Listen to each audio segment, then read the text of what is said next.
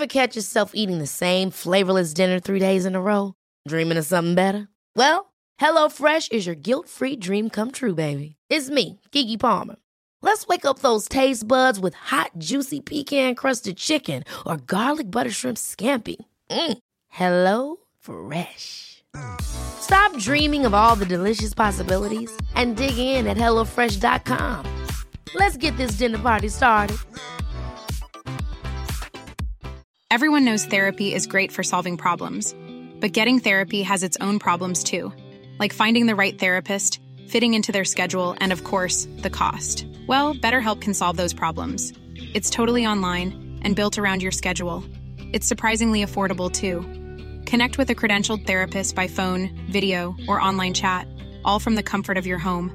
Visit betterhelp.com to learn more and save 10% on your first month. That's BetterHelp H E L P. Wow. Nice. Yeah. What you're hearing are the sounds of people everywhere putting on Bombas socks, underwear, and t-shirts made from absurdly soft materials that feel like plush clouds. Yeah, that plush. And the best part? For every item you purchase, Bombas donates another to someone facing homelessness. Bombas. Big comfort for everyone. Go to bombas.com slash ACAST and use code ACAST for 20% off your first purchase. That's bombas.com slash ACAST. Code ACAST.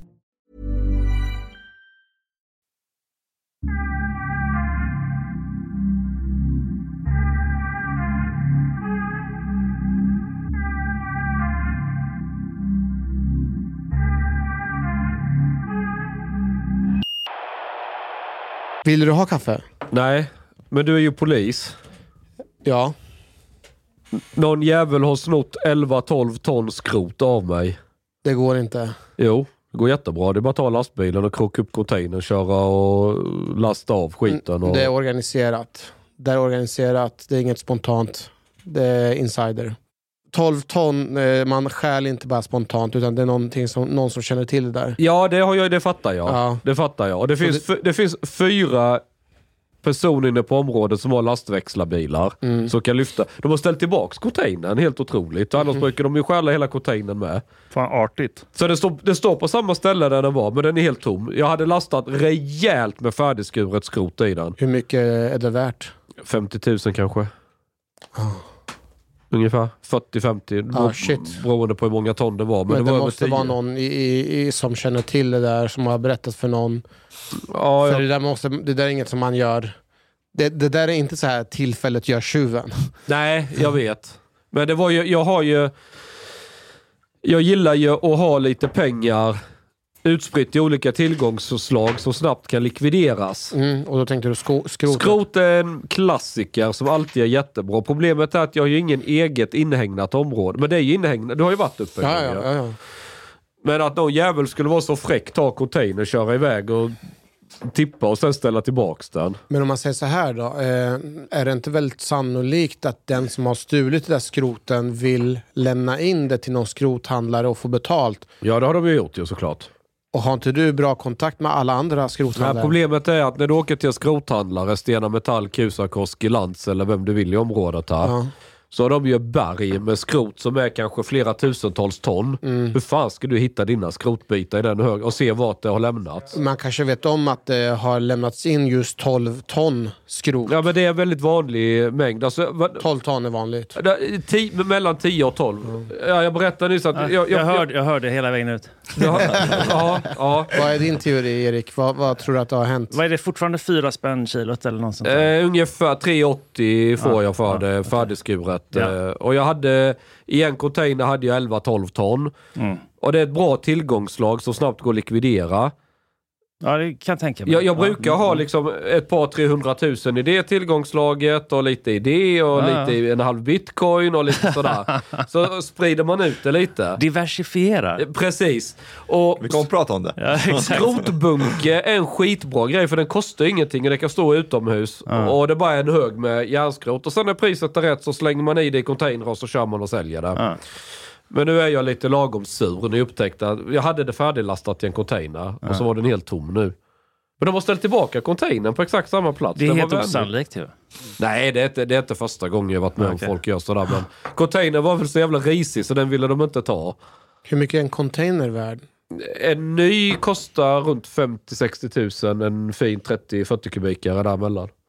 Så man stjäl eh, Men denna- skrot för 50 000. Så eh, har du container med. För, men du får containrar uppmärkta så att de är svåra Ja. att bli av med. Ja.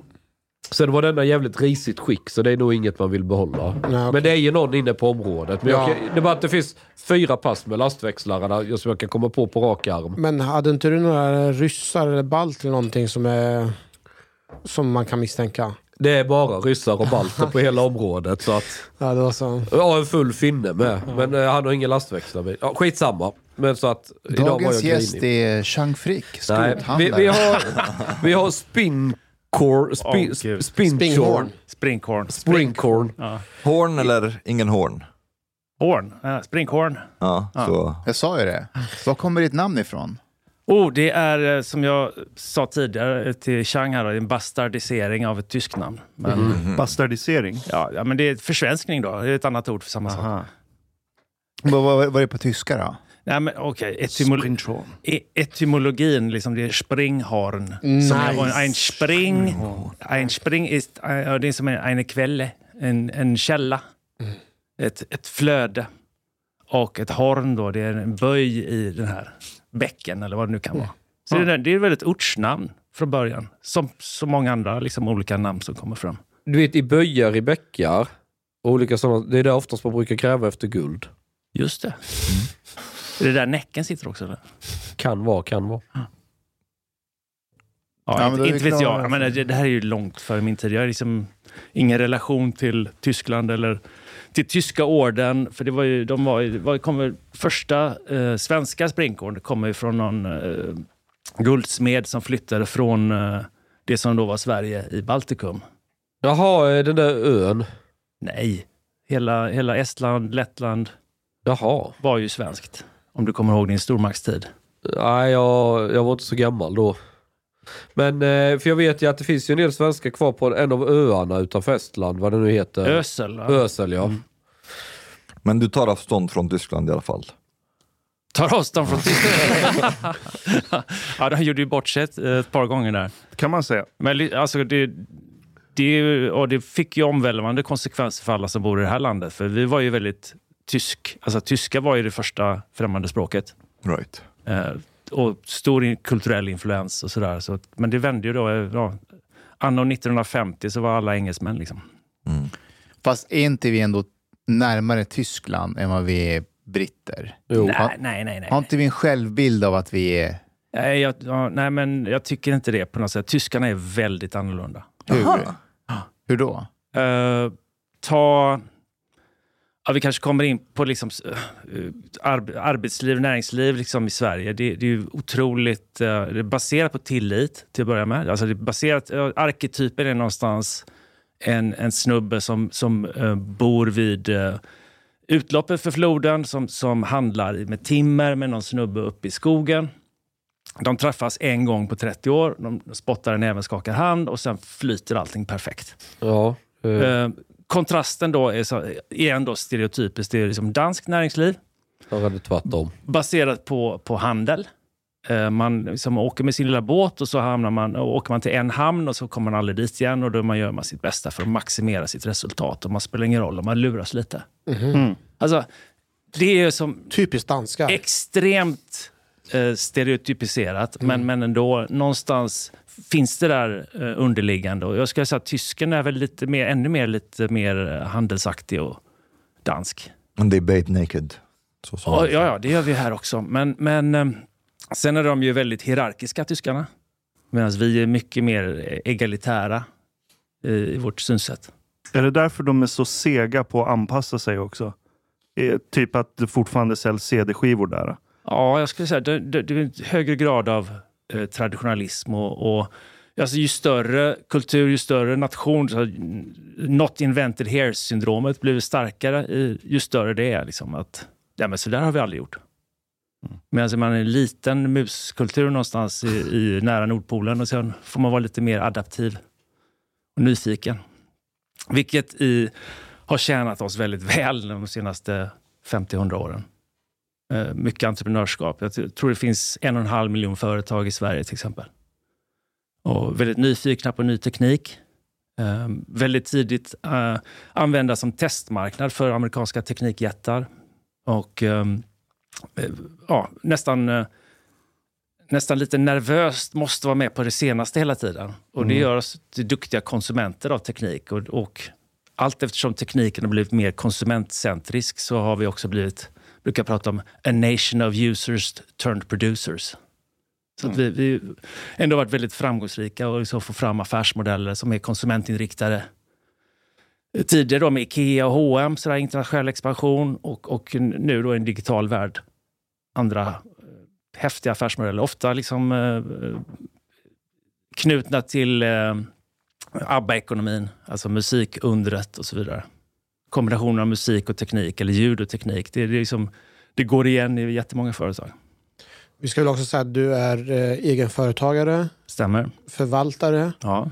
och eh, förvaltar TIN-fonder. Ja, var med och startade TIN-fonder för fyra år sedan och eh, vi förvaltar två fonder. V- Vad är TIN-fond? TIN är ett namn, det står för Teknik Innovation Norden. Och det, det är väl eh, kombinationen då, men jag har redan varit inne på det, att, att Norden är ett bra ställe att göra affärer och, och vi, vi tycker att vi har vunnit lite grann livets lotteri som får vara investerare här och, och känna till, eller vara nära den här gruppen av företag. Och, um, Eh, innovation är ju någonting som det är brett definierat då, eh, avsiktligt för att vi ska kunna ha mycket frihet och, och liksom, eh, titta på många olika saker. Men det är framförallt mjukvara, digitala varumärken och, och hälsa. Framförallt medicinteknik då som How, how long have you worked in the stock market? uh, sen 95. 95? Okay. Har, har du blivit rik på kuppen? Eh, inte de första eh, 25 åren. men, nej, men inte, så det, det, har varit, det, det är en eh, höglönsam eh, verksamhet och det, det är bra löner. Så jag har inga klagomål på något sätt. Men det är ju när man startar eget som, som, som man kan hitta en, en ännu bättre... Ta del av, av branschens underliggande lönsamhet någonstans. Så att, och det har aldrig varit min stora drivkraft. Min drivkraft är mer liksom att, att kanske liksom rå mig själv och, och vara en självägande bonde och kunna göra vad jag vill lite grann. Mm. There, there's something I'm, I'm curious about. Um, since you have been active since 95, how would you say like uh, the behavior investors have, have changed, investors in the stock market, and what has been the influence of the internet and social media, you know, like Wall Street bets on Reddit and uh, and, and such such um, Stonk phenomena? wars. Uh, b- how how has the behavior of investors changed really across these like uh, oh, Ja, men det har varit många, många cykler av, eh, av optimism och pessimism. Det är det så det brukar vara. Det, det, det, är, någonstans, det, det är en feedback-loop som, eh, som ibland förstärker, ibland verkar negativt. Och så går det så här upp eh, i ebb och flod, eh, vinter och sommar. Liksom. Så att det, det, så är ju ekonomin som helhet. Vi har ju konjunkturcykler som går upp och ner. Men det eh, förstärks. Alltså de, de variansen eller, eller volatiliteten det blir ännu starkare då, eftersom man eh, handlar ju med instrument som är någon slags derivat, alltså någon, någon slags extra hävstång på, det, på de underliggande bolagen. Derivat, extra hävstång. Nej, men så här, eh, bolag, alltså ekonomin går ju upp och ner. Man blir liksom, vi som kollektiv blir mer eller mindre optimistiska och, och någonstans är det då igen innovation som driver allting i grunden så att vi ändå har en uppåtgående trend hela tiden. Men, men vi som investerar då i bolag, menar, bolagen kan ju gå bättre eller sämre än ekonomin som helhet. Ofta med lite extra svung upp eller ner. Och sen har du då aktier i bolagen som får ytterligare lite extra svung upp och ner. Allt eftersom om det är optimism eller, eller pessimism på, på marknaden. Det är därför jag menar att, att slagen, en aktie kan ju under ett år bara liksom kanske gå upp och ner med 50 varians. Men ingenting sånt dramatiskt har ju hänt i bolaget. Right. Och det är det jag menar, att, att det, på marknaden blir det liksom extra optimism och pessimism. Men i grunden har det, det har inte hänt något strukturellt eh, sen, sen 90-talet vad gäller mänsklig psykologi. Däremot så har ju eh, informationen spritts, alltså internet har ju spridit information till många fler, så fler kan göra sin egen analys och fler kan ta del av det här. Eh, på gott och ont. Men det, det är ju...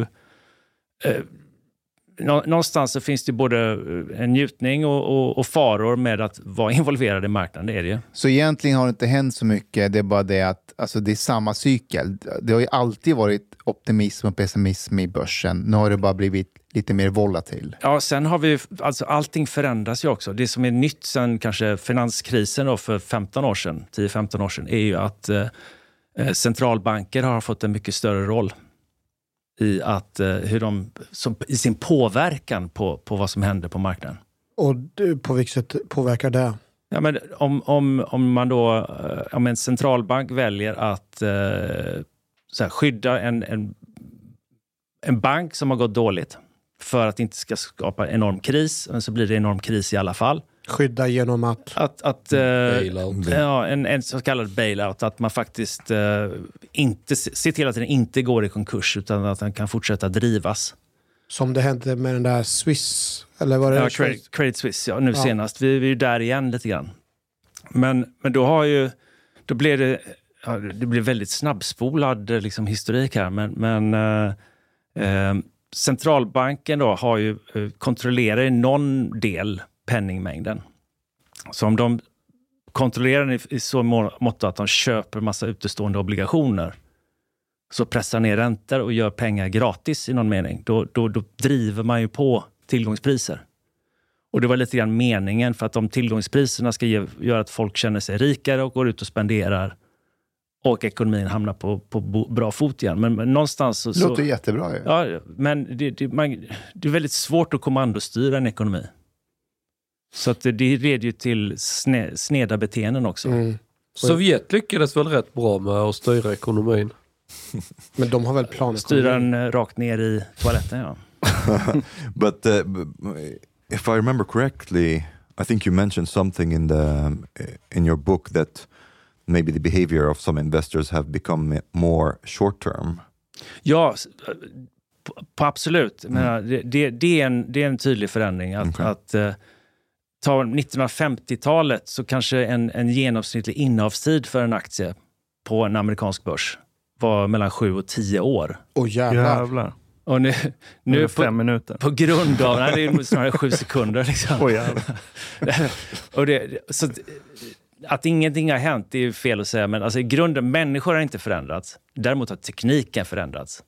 Och eh, nya investerarformer har, har, dykt upp. Och folk som försöker på olika sätt vara eh, snabbast på det och skapa riskfria vinster, vad man kallar för arbitrage. Då. Det har ju dykt upp och inte minst high frequency trading. Mm. Eh, det vill säga firmor som sätter sin dator så nära börsen som möjligt. Är det, är det de som typ flyttar sina servrar fysiskt närmare där ja. handlingen sker, bara för att en kortare kabel ger dem någon, någon mikrosekunds ja. fördel? Alternativt att de spränger genom berg 300 mil för att ska, lägga en fiberkabel mellan Chicago och New York. Så att de har, en, alltså ingen har en, alltså de har en rak linje genom berg och jord och allting. Mm -hmm. Och det, det, är värt att göra det. det då förstår ni att, att det finns stora pengar att, att göra på att vara först. But, but uh, do you think some det, people... det beskrivs förresten, Michael Lewis, Flash Boys, fantastisk bok, som skriver, han skriver just om det. Mm. Do you think there can, because some people are talking about that AI could have more and more of a um, use in trading. Uh, do you think eventually we could reach a stage where basically an AI algorithm is able to analyze and place trades and get out of trades in a way that is uh, more profitable than just a... Jag skulle säga att det finns redan. Alltså eh, AI-hjälpta verktyg för att handla. Mm. Uh, och uh, vi, jag menar, vi om några kanske kanske kommer kunna dra nytta av några typer av AI-genererade verktyg. Vi, vi, har ju två programmerare på firman som, som uh, skapar vad vi kallar för spindlar som är ute och söker information på nätet. Ostrukturerad data som de plockar hem, strukturerar upp och visualiserar, vilket hjälper oss i förvaltningen. Mm. Alltså, vad, vad, när vi säger AI, vad, def, vad definierar vi det som? Automat, alla automatiska verktyg är ju någon slags AI. Men, Men, de här, men, eh, men, AI som, som hjälper sig själv och lär sig själv att göra, fatta bättre beslut. Ja, det kanske kommer. de här, eh, jag vet inte vad man kallar dem, op, alltså Opti och, och Lysa och dem, är inte det en sorts AI? Det är algoritmiskt investeringsstöd. Okej. Så med, med, allt, med allting... Nu, nu vet jag inte exakt hur deras modeller fungerar, men det, det, det är baserat på eh, portföljteori. Alltså eh, gamla teorier som, som, bild, som byggdes på 50-talet i princip. Framförallt hur man ska balansera aktieinstrument mot ränteinstrument. Och skapa en optimal portfölj beroende på om du är ung eller gammal, om du är riskvillig eller inte riskvillig så knappar man in de parametrarna. Och det gör, jag tror att Optis och, och Lysa och sådana verktyg, de eh, väljer då instrument automatiskt åt dig. Och är det så att aktier går lite bättre än ränteinstrument, ja men då kanske de ombalanserar för att passa din typ av investeringsfilosofi. Jag, jag kan inte deras modell i, i detalj, men ungefär så är det. det But, but I'm thinking like, um, and I'm curious what you think about this as well, Ashkan. Like, if there would be, uh, I'm not so sure how advanced this right now, but if there would be AI that basically is able to take in all relevant data and information when it comes to well, the financial information, how the market is developing, and so on, and creates um some kind of like, oh, Ever catch yourself eating the same flavorless dinner three days in a row? Dreaming of something better? Well, HelloFresh is your guilt free dream come true, baby. It's me, Gigi Palmer. Let's wake up those taste buds with hot, juicy pecan crusted chicken or garlic butter shrimp scampi. Mm. Hello Fresh. Stop dreaming of all the delicious possibilities and dig in at HelloFresh.com. Let's get this dinner party started. Everyone knows therapy is great for solving problems, but getting therapy has its own problems too, like finding the right therapist, fitting into their schedule, and of course, the cost. Well, BetterHelp can solve those problems. It's totally online and built around your schedule. It's surprisingly affordable too. Connect with a credentialed therapist by phone, video, or online chat, all from the comfort of your home. Visit betterhelp.com to learn more and save 10% on your first month. That's BetterHelp H E L P. is able to arrive at uh, a very high probability where the, maybe the stock direction of a certain market based on the current market parameter and trajectory is going and is able to place trades uh, like open positions and get out of position in a very um, like high speed that is and and this will be able to create a more profitable model than basically every other investor Any human. any human Ja. Eh, jag, jag tror vi kan kanske använda två termer som du själv använder i boken för att gräva lite djupare i det. Eh, jag gillar att du gör ett grundantagande att människan är en konstant. Vi förändras knappt någonting över tid i och med att evolutionen är så långsam, men att det är tekniken och omgivningen som ändras hela tiden. Eh, det tar du upp ganska tidigt i boken. Sen nämner du också konceptet eventologi. Att Mhm. en händelse kan ändra kursen radikalt för hela världen för all framtid framöver. Och om man slår ihop de två koncepten, att om människans psykologi är konstant, den ändras inte över tiden, då borde ju reglerna för hur man bör agera på en marknad också vara konstanta. Intressant? För Någon att, slags beteendeekonomiskt, ja. Mm. ja, exakt. För det är en reflektion av mänsklig psykologi, det som sker på aktiemarknaden framför allt. Men om någon liten händelse kan totalt ändra kursen för hur en utveckling sker, eh, då borde ju någon del av modellerna också ändras när det blir något sorts paradigmskifte, tänker jag. Och så har det ju varit. Jag menar, om vi tar några stora teknikskiften. Jag menar, PCn är ett givet. Eh, internet ett annat. Eh, kallade det the iPhone moment, ett tredje. Och eh, här, webb 2.0. Eh, det här att, att internet som var helt decentralt plötsligt centraliseras till ett fåtal spelare. Eh, och sen nu eh, GPT, eller kallar det AI då. Det är ett lika stort ögonblick. Så absolut, det, det, det förändrar ju spelreglerna, men så, så applicerar vi alla våra mänskliga beteenden på de här nya reglerna och så, så springer vi åt det hållet. Eh, någonstans. Eller försöker hitta rätt, eh, rätt affärsmodeller som passar för det nya paradigmet någonstans. Så absolut, så är det ju. Eh, ehm, eh, saker, ingenting kan ju gå tillbaka någonsin till. Vi, vi kommer till liksom... Vi, vi kommer inte trycka så mycket böcker längre. eh, sådär. Tror du inte? jag vet inte. Det, kanske, det blir alltid reaktion och motreaktion. Att, att man behöver det här eh, samtalsformatet, longform, flera timmar. Vem hade trott det för några år sedan? Att, att det skulle kunna locka någon. Ehm, men det är mer en, en motreaktion på en, en, en reaktion där allting har gått snabbare någonstans. But aren't books a bit like speaking of that? Aren't books a bit passé now? Because, eh, or at least in the future, because if you would see mm, mm, the velocity at which information is is being produced, like if you spend a year writing a book, I mean, like things would have like changed a lot uh, during that period. Fast de säger att försäljningen för böcker går ju jättebra. Ja, det säljs fler böcker nu Ja. än någonsin. Fiction maybe, eller? Men Det vet jag inte för sig. det, det som är skillnaden däremot är att ljudböcker börjar gå om fysiska böcker.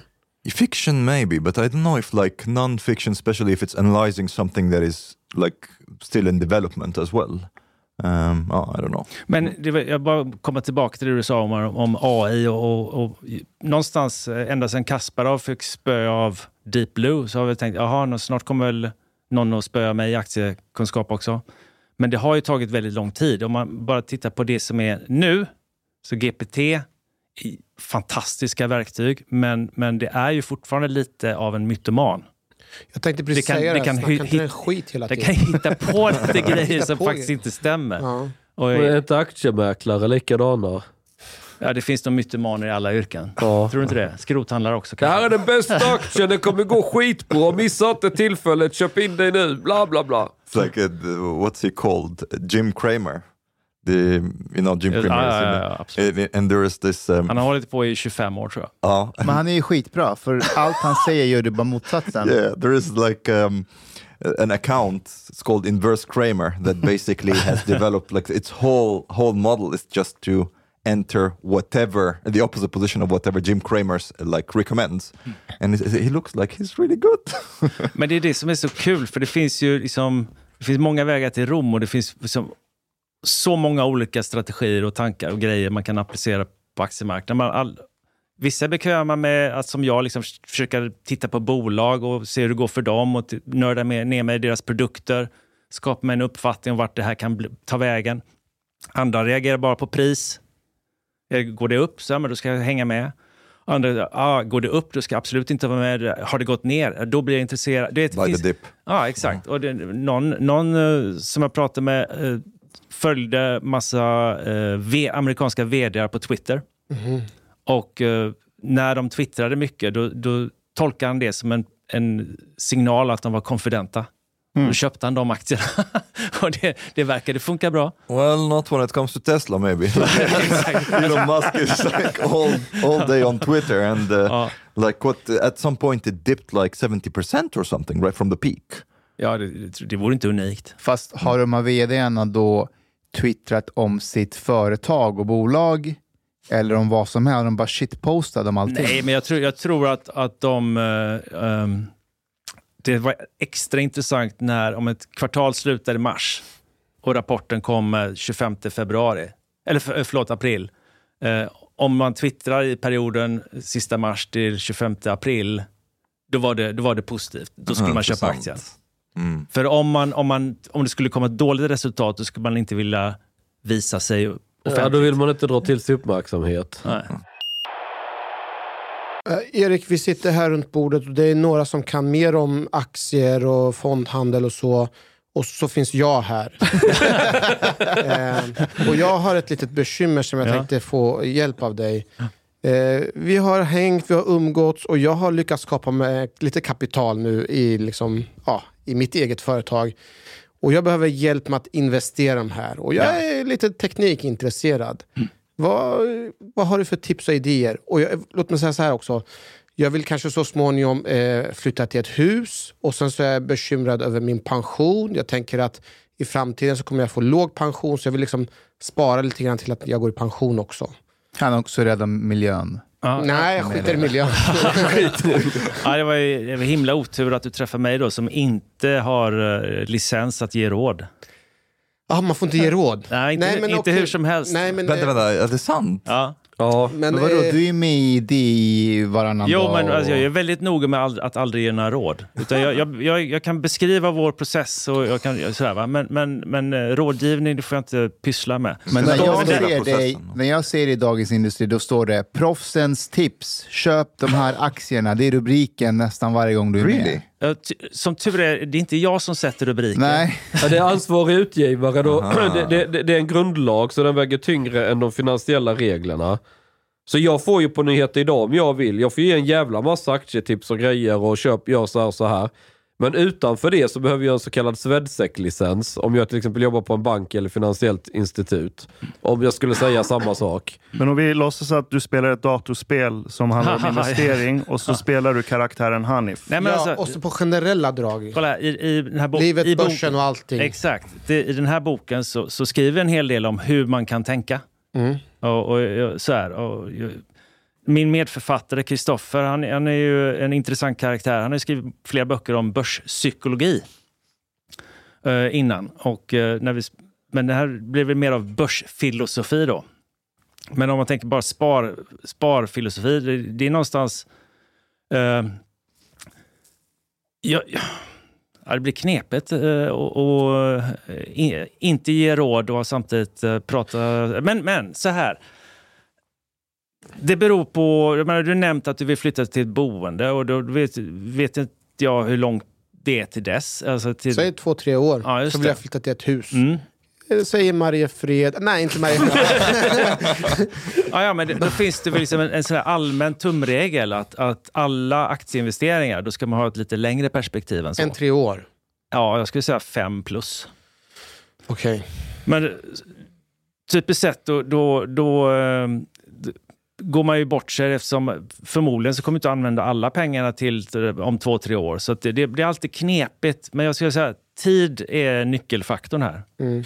Det står... Och hur viktigt det är att du bevarar det kapital du har respektive hur viktigt det är att det växer. Mm. Det står en intressant sak i boken. Att man Har kan- du läst boken? Det vet inte du. Men det står i boken att man ska tänka, eh, man kan inte förbereda sig för allting, för det kan, kommer alltid hända oväntade saker. Men om man förbereder sig för det oväntade, lite prepping-tänk, då klarar man sig ganska bra ekonomiskt. Att man inte spelar all in på en grej och hoppas på att just den går bra. Det var väl lite att det tar ju upp mycket med skuldsättning i början av boken. Att många, alltså låg ränta har gjort att man, man köper mycket konsumentkrediter och handlar på skit. Och, och där har jag gapat att det håller på att gå åt helvete på grund av det där. Men, men förstår, förstår du menar Hanni? För att man kanske inte skuldsätter sig en miljon extra bara för att flytta några våningar upp. För att det kanske är lite... Fast om det är en investering, om det är en, eh, om det är en lägenhet som man ska renovera som kommer ge mig eh, mer avkastning. Inte det, och framförallt för att jag ska kunna flytta till ett hus i Bålsta eller Mariefred eller någon annanstans. Inte Mariefred. Eh, Nej, Mariestad. Nu, när räntan är hög så ska man ju vara likvid för då blir ju priser på fastigheter lägre. Kan jag, kan jag använda min, företagets pengar för att investera i fastigheter? Oh, det blev ännu knepigare. För det är, som, eh, eh, det är liksom konkret liksom, finansiell rådgivning. Ja, men det, det går inte. Ja, det är klart jag, jag, det är klart att den, det beror på vad, vad företaget är, har för eh, vad heter det, bolagsordning. Och vad, vad, är syft, vad är det skrivna syftet med bolaget? Du ska ju alltid liksom lägga till då, ja, Det går ju för- ändra. f- f- kan det vara förlagsverksamhet, eh, föreläsningar samt eh, förvaltning av fastigheter. Ja, det går. Typ så. Så om inte jag har ändrat bolagsformen eller så här, då, då, då, då kan inte jag investera i fastigheter? Eller? Ja, men det är jättelätt att ändra. Ja, okej. Ja, det, det går snabbt. Kolla, det är därför AI aldrig kommer kunna lista ut börsen. För att en AI kan inte sätta sig in i en människas huvud och få för sig att flytta upp fem våningar och ta kredit för det. Och sen ta alla miljarder människor som sitter och tänker sådana här tankar och så ska du slå ihop det och kunna prediktera Fast, fast, nej, psykologiskt. tvärtom. Eh, En AI kan räkna ut att det är jätterea på en eh, lägenhet som är betydligt värd mycket mer. Så därför så rekommenderar AI mig att flytta nio våningar upp, ha jättefin eh, utsikt och tjäna pengar på sikt. But but uh, Ashkan, why why is this? Like, I mean, can't it if if it's like taking in all the relevant data, also historically, can it like um, deduct a correlation uh, between how the market was developing and like how people have been reacting to changes in the market. So, and from this, create a like kind of a good probability that when this happens, probably people have used like used to react this way. And since we have established that people kind of reacted more jag må same kolla, där, där kommer Eriks term eventologi in. För det, det där kommer hålla tills det att det av någon anledning blir en trend att man inte ska bo högt upp. För att, jag vet inte, det är bara lågklassmänniskor som bor högt upp av någon anledning. Eller ta det här vd-Twitter-grejen. Att aha, vd som twittrar ofta mellan perioderna att de har gjort rapporten och den ska göras publik. Om flera vd får reda på det här, då kommer vd låtsas att de är nöjda med rapporten och twittra fastän de inte är nöjda. För att driva upp aktiepriset. Är du med? Så så fort det blir en trend, då kommer andra vd haka på den trenden. Och då funkar inte korrelationen längre. unless it's updating its its data like mm, like with current data all the time and mapping out like continuously how people have been reacting to different parameters why why would this not work För att trenderna ändras hela tiden. yeah exactly Yeah. but it is also taking in the data all the time this is what i mean Ja, men då måste någon också ha koll på att vd har det här beteendet. För att AI ska börja ta in det. Den kan inte ta in allt. intelligence would Ja, men den kan inte ta in allt. It's too much. Ja, men jag tror de här två sakerna, de är inte öm, ömsesidigt uteslutande. Mm. Eh, AI kanske aldrig kan bli en bra privatrådgivare med alla dessa... Ja, för då, blir- då blir det liksom bara en kakform som alla ska anpassa sig efter. Yes. Men, utan, men däremot så kan AI mycket väl hitta någon nischad strategi som funkar på marknaden. Ja, jag tror du tillsammans med AI skulle Ja. spöa en konkurrent till dig som inte använder AI. Det är så jag vill se det, i alla fall medelfristigt. Att jag vill inte prata om AI, jag vill hellre prata om IA, alltså intelligence amplification. Mm. Det vill säga att människan plus maskin. En jäkligt bra kombination. Neuralink. Would you? Would you? if, if. Neuralink, if Neuralink is like finally, um, yeah, uh, Elon Musk succeeds with it, would you lace yourself up with? Eh, inte för, I alla fall inte, inte för eh, han själv har gjort det. I think he's crazy enough to do it right away. Men, jag kikade lite i en annan grej, nu hittade jag inte det i boken, fast ett begrepp för det, att det fanns värden som skapas på en aggregerad nivå som inte kan förklaras av dess beståndsdelar. Det fanns ett ord för det, men nu kommer jag... Emergens. Emergens, det var det jag sökte. Det har ju Ashkan pratat om. Ska du säga någonting? Ja, nej, det det jag tänkte med emergens, för det var det här med att AI kan ju inte kan ju inte veta vad en enskild individ kommer ta för beslut. Alltså vad de vill köpa eller vad de vill göra. Men tittar du på aggregerad nivå så det här fenomenet emergens, det kan i alla fall tala om att vi har en population här på en miljon människor. Vi vet att en viss andel kommer förmodligen börja bli intresserad av konsumtionsmönster som ser ut på ett visst sätt. Om du, om du står jag tänker, så ta, en, ta en utvecklingsekonomi och nu börjar det växa en medelklass i det här landet som inte har funnits innan. Då kan vi titta på medelklass i närliggande länder. Vad konsumerar de? Ja, men då vet vi att inom de närmsta tio åren så kommer efterfrågan i det här landet då kommer vi ha växande medelklass där och då kan vi förmodligen anta att fler och fler kommer efterfråga den här typen av produkter och tjänster. För fler kommer ha råd med det exempelvis. Det är många svenskar som har gjort så här. Vi har varit väldigt tidiga till exempel med Blocket som annonsgrej online. Då har man gjort samma koncept fast i andra länder där man är lite efter med IT. Och, och var först där med liknande tjänst. Och så vidare och så vidare. Så att eh, jag, jag tror AI kan... Igen då, users turned producers. Users turn producers. Det vill säga använd, duktiga användare hittar på ett sätt, eh, affärsmodeller som kan funka på andra marknader som inte riktigt är där än. Är det sånt ni investerar i? Ja, alltså Blocket-liknande affärsmodeller, det, det är ju det är ju en vinnaren tar allt-marknad. Just det. Så det ger ju, alltså likvid, likviditet föder likviditet och har du högst likviditet så vinner du allt. Och då Just kan det. du också driva en sån verksamhet med ganska höga marginaler. Vänta nu, likviditet. Pengar. Pengar. Alltså, ja, Cash. Ve- eller velociteten i pengar. Alltså hur, hur snabbt rörlig, alltså har du den största plattformen, det vill säga störst utbud, och Mm. flest, både flest köpare och flest säljare, då har du högst likviditet. Och det är rätt så intressant när det gäller Blocket, för Blocket har ju varit ägt marknaden, Men nu kommer ju Marketplace från Facebooks. Och där, börjar de ju, där kan man ju marknadsföra, eller liksom lägga ut annonser gratis. Ja. Så Blocket är tvungen att bara liksom, eh, ändra sina priser. Nu kan man annonsera gratis i Blocket så också. Den här boken du har skrivit, den är ju liksom mer än eh, en så här, så här placerar man sina pengar och växer. Vad var det som gjorde att ni skrev mer om allting annat? Historien var ju det att, som sagt, Kristoffer hade skrivit ett par böcker innan och, och jag var någon slags provläsare. Och jag satte en blurb på hans andra bok som heter Mer börspsykologi. Och efter det så ringde han. och Ska inte vi skriva en bok ihop? Och min attityd var väl att jag har ett heltidsjobb, jag glöm det liksom. Men eh, Kristoffer är en enveten person. Han är jäkligt duktig på att liksom tjata och övertyga. Så att eh, vi gav det ett test. Och då sa vi det, vi skriver sex kapitel var.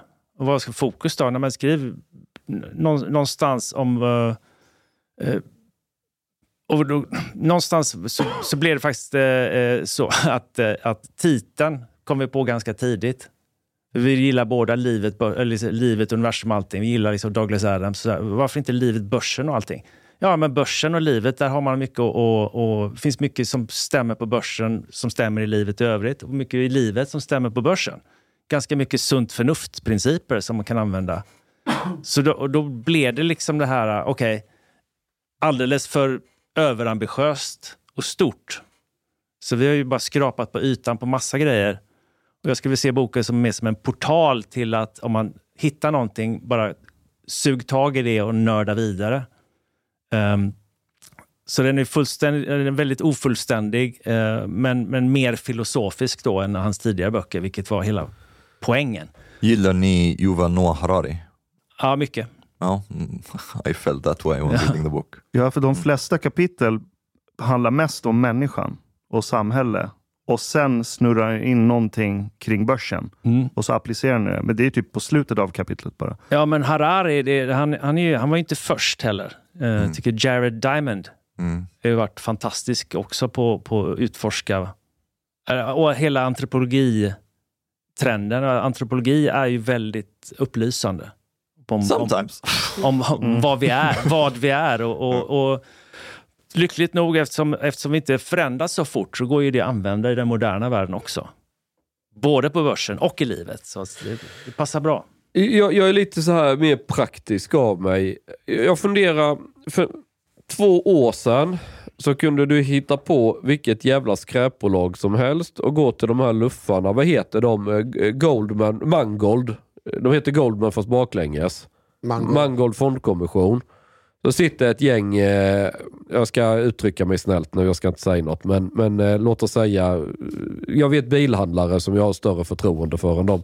Men sitter de där och drar några siffror över arslet och värderar ett bolag och ska präcka på folk, för det fanns så mycket kapital så folk köpte ren skit. Vet du, känner du igen vad jag menar? Jo, bra. Jag menar, det, vi är tillbaka till överoptimism och under... Så var det för över... två år sedan. Ja, ja. Det var folk som hörde av sig till mig. Vill du, vill du köpa in aktier hos mig? Jag bara, men varför ska du göra det? Det är inte värt något. Och de, va? Jo, men kom igen nu, jag har 10 millar. Alltså, så här, jag bara liksom. Och nu har det ju torkat upp nu likviditeten här. Jämfört med då. Men när ni sitter som fondmänniskor, det måste ju komma massa folk med massa white paper och massa grejer och de ska bli miljardärer på det och hela kör. Ser du då skillnad med hur det var innan mot nu? Har, har det ändrat sig något eller trender eller? Alltså det vardagliga när du sitter där med pengakassan i fonden och ska Ja, nej, alltså, vi har ju en, en, vi har inget investmentbolag, så vi har inte en fast summa pengar, utan vi har en fond då, och den, den är ju dagligt handlad. Just det. Så att det, det, det kommer in pengar så går det ut pengar, beroende på folks optimism och pessimism. Och Det betyder att vi, vi försöker, måste försöka ha ett långsiktigt kapital, så att vi kan vara långsiktiga. Ja. För det är så jag tror att vi kan vinna i den här marknaden. Och någonstans, då är det ju inte liksom eh, dagsländebolag vi vill ha heller. Nej. Utan då, då 90 procent av fonden, fonderna är alltid i lönsamma företag med bevisade affärsmodeller. Går ni in i onoterade bolag med? Ja, vi, all, alla så här eh, fonder som har det här normala europeiska regelverket som kallas för USITS, de kan ta upp till 10 procent i onoterat. Just det. Och vi har två ono- onoterade positioner, men det är en, en, en mycket mindre del av portföljen. Vilka där då? Det är ett bolag som heter Epidemic Sound och ett Mhm. bolag som heter Dirac. Vad är Epidemic Sound? Eh, De har den blygsamma ambitionen att de vill ljudsätta internet. Ljudsätta internet? Ja.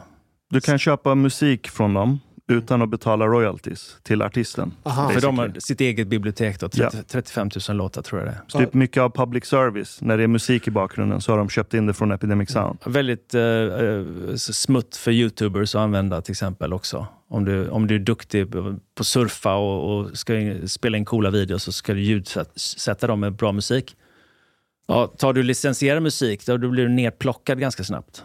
Där, där funkar AI ganska bra. Mhm. But um, Men, men om, vi- så här, om, om man sitter då med en konkret idé nu, nu ska jag dra igång ett nytt bolag här och det här är ett problem man vill lösa och allting. I vilket skede kliver ni in? Då ska bolaget redan fått positivt kassaflöde och sådär? Helst ni, ja. Mm. Ja, Men, men, eh, och vi är ju långt ifrån startup-världen. just det. Eh, vi är inte, det, det kallar man då för venture capital. Och de, de, det är en helt egen industri. so you don't get into unprofitable companies.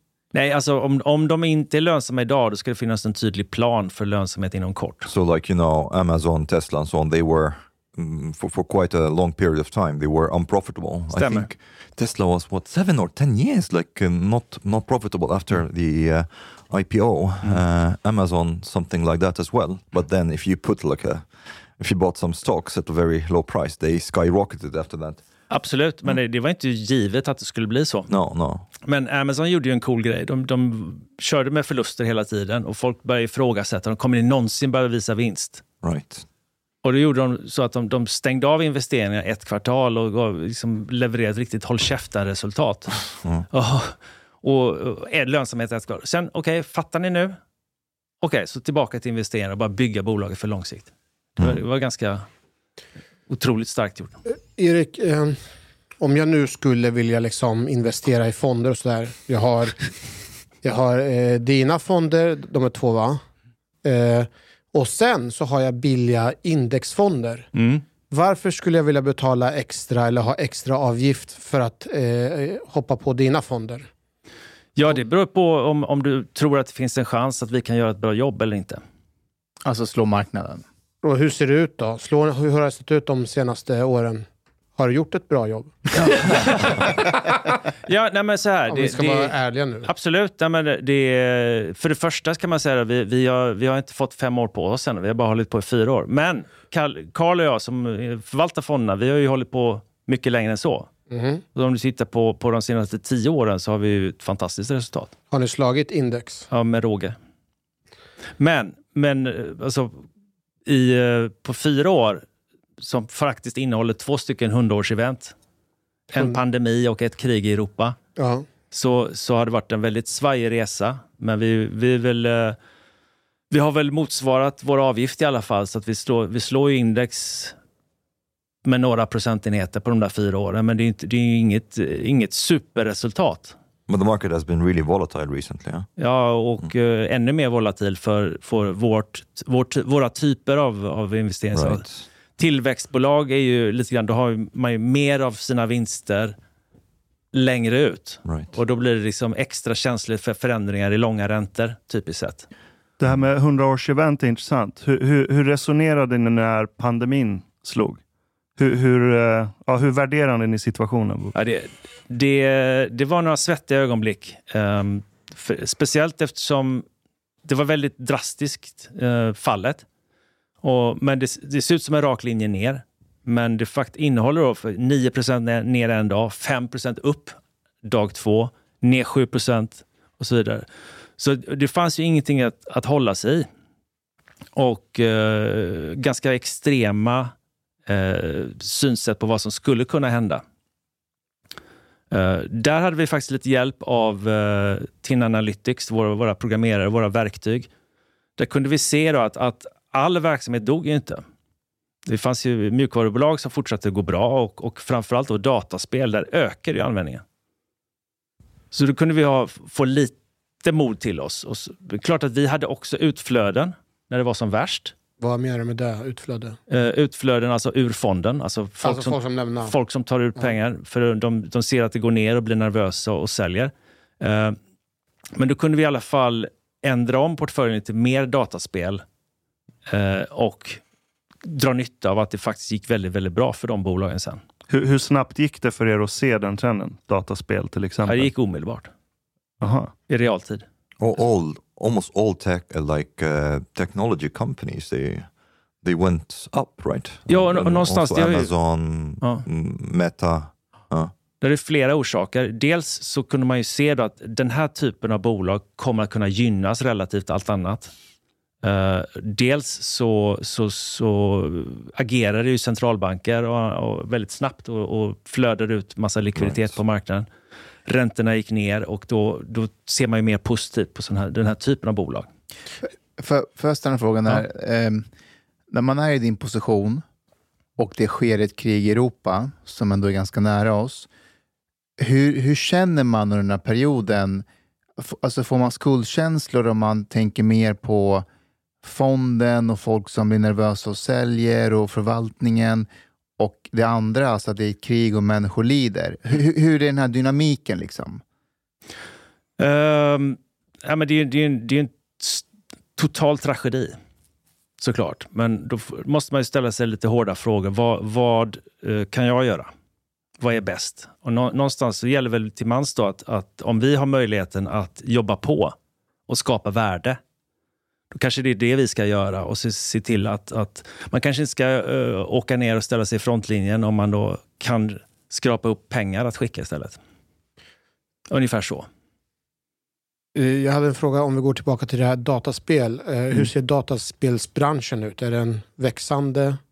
Ja, det är lite grann av en, en svensk paradgren Mm. det också faktiskt. Men, men i närmare två år drygt så har ju den typen av bolag varit ganska ifrågasatta. Mm, Varför det? Därför att dels hade det varit, varit lite överdigitalisering under covid 2020. Alltså det gick, alltså Microsofts vd pratade om att vi, de fick två års digitalisering på två månader. Så 2021 börjar se lite, lite baksmälla och inte minst då att, att om man har laddat upp fullt med dataspel så kanske man inte köp, köper massa nya under 2021. Då. Mm. Eh, I tillägg till det så har ju flera av de svenska dataspelsföretagen varit ganska aktiva i att köpa andra bolag. Mhm. Och eh, då har man tagit på sig lite skulder för det. Och eh, man har, eh, eh, tycker vissa då, köpt för dyrt. Så att det, det påverkar också. Och så har du ränteuppgång, då, som, så inflation och ränteuppgång som påverkar. En tredje sak som påverkar negativt. För vi hade ju bland annat Fredrik Wester här från, vad heter bolaget? Paradox. Paradox. Hur ser det ut för dem? Är det? Nej, men, Hur alltså, har Fredrik skött sig? Fredrik, alltså, konkret har wait skött- wait wait I will, I will keep checking live the stock price of Paradox right now while you're talking Ehm, han har skött det jätte, jättebra. Han, han uh, halvpensionerade ju sig och blev uh, någon slags arbetande ordförande för några år sedan. Han var väl, om inte utbränd, så utarbetad i alla fall. Men, eh, men, eh, Nu så, är han vd igen. Ja, och eh, det har varit en otrolig skillnad Mhm. eh, sen han kom tillbaka. Gjort ganska stora grepp och, och fokuserat tillbaka till kärnan. De är väldigt duktiga på strategispel. Och de har ja, riktigt stora spel på väg ut. City Skylines är väl ett av deras största spel. Nu kommer tvåan senare i år. De har också eh, visat eh, första trailer för ett, en, en, ett spel som heter Life by You. Som är en Sims-dödare kan man kalla det. Mhm. Och det är lite grann eh, anledningen till att City Skylines blev så bra. Det var att eh, Electronic Arts somnade vid ratten när de, med Sim, eh, vad heter SimCity.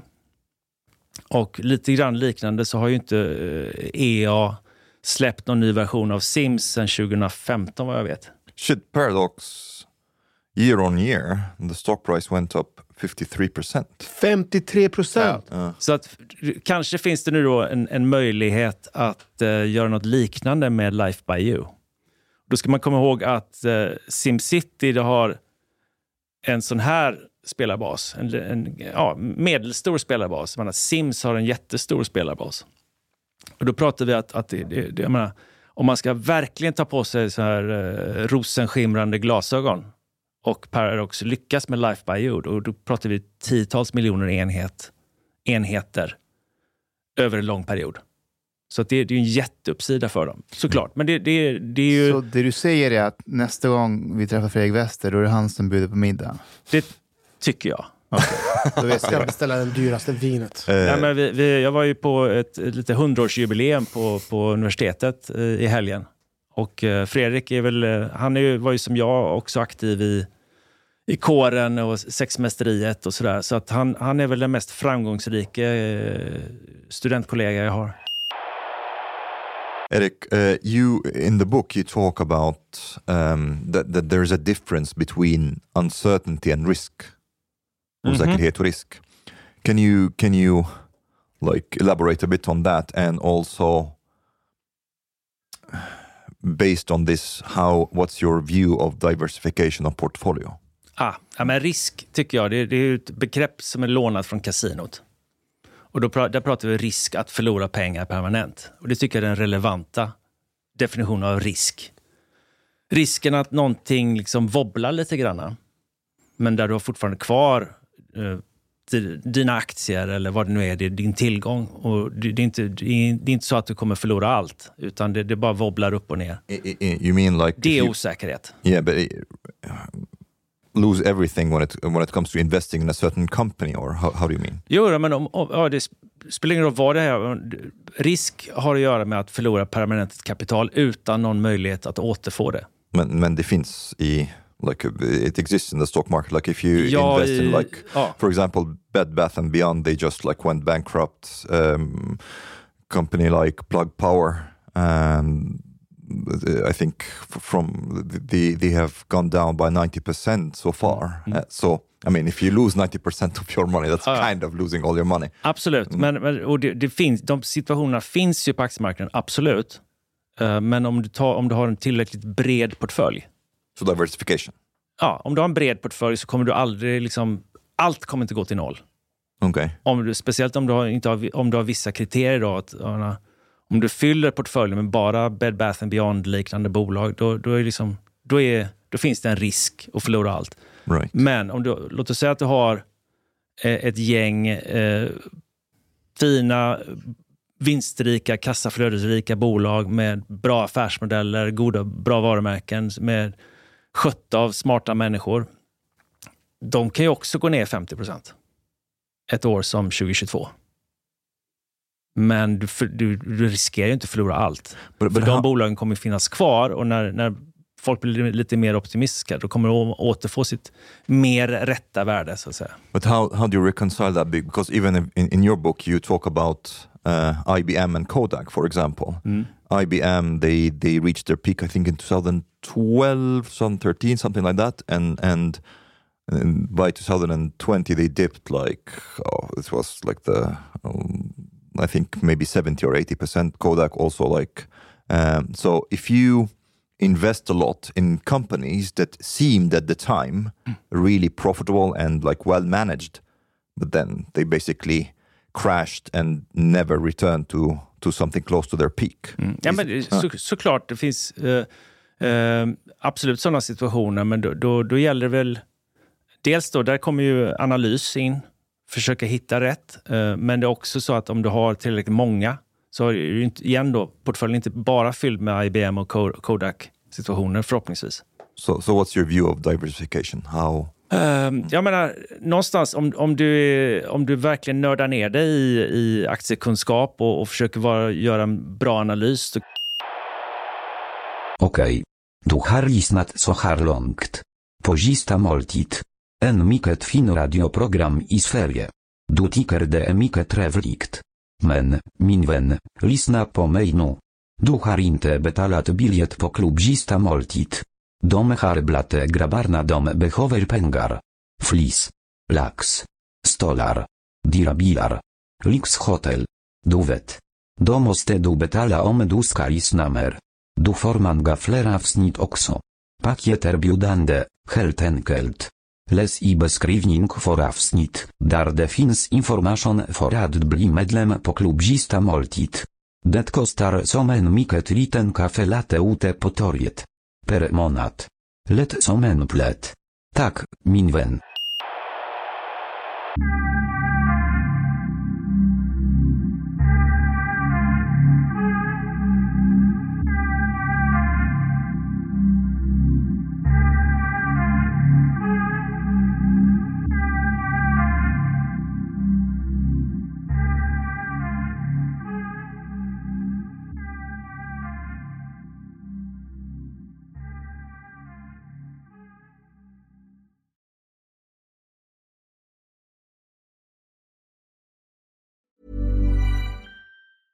Ever catch yourself eating the same flavorless dinner three days in a row? Dreaming of something better? Well, HelloFresh is your guilt-free dream come true, baby. It's me, Kiki Palmer. Let's wake up those taste buds with hot, juicy pecan-crusted chicken or garlic butter shrimp scampi. Mm. Hello Fresh. Stop dreaming of all the delicious possibilities and dig in at HelloFresh.com. Let's get this dinner party started. Hey, it's Paige DeSorbo from Giggly Squad. High quality fashion without the price tag. Say hello to Quince. I'm snagging high-end essentials like cozy cashmere sweaters, sleek leather jackets, fine jewelry, and so much more. With Quince being 50 to 80% less than similar brands. And they partner with factories that prioritize safe, ethical, and responsible manufacturing. I love that. Luxury quality within reach. Go to quince.com slash style to get free shipping and 365 day returns on your next order. Quince.com slash style. Hi, I'm Daniel, founder of Pretty Litter. Cats and cat owners deserve better than any old fashioned litter. That's why I teamed up with scientists and veterinarians to create Pretty Litter. Its innovative crystal formula has superior odor control and weighs up to 80% less than clay litter. Pretty Litter even monitors health by changing colors to help detect early signs of potential illness. It's the world's smartest kitty litter. Go to prettylitter.com and use code ACAST for 20% off your first order and a free cat toy. Terms and conditions apply. See site for details.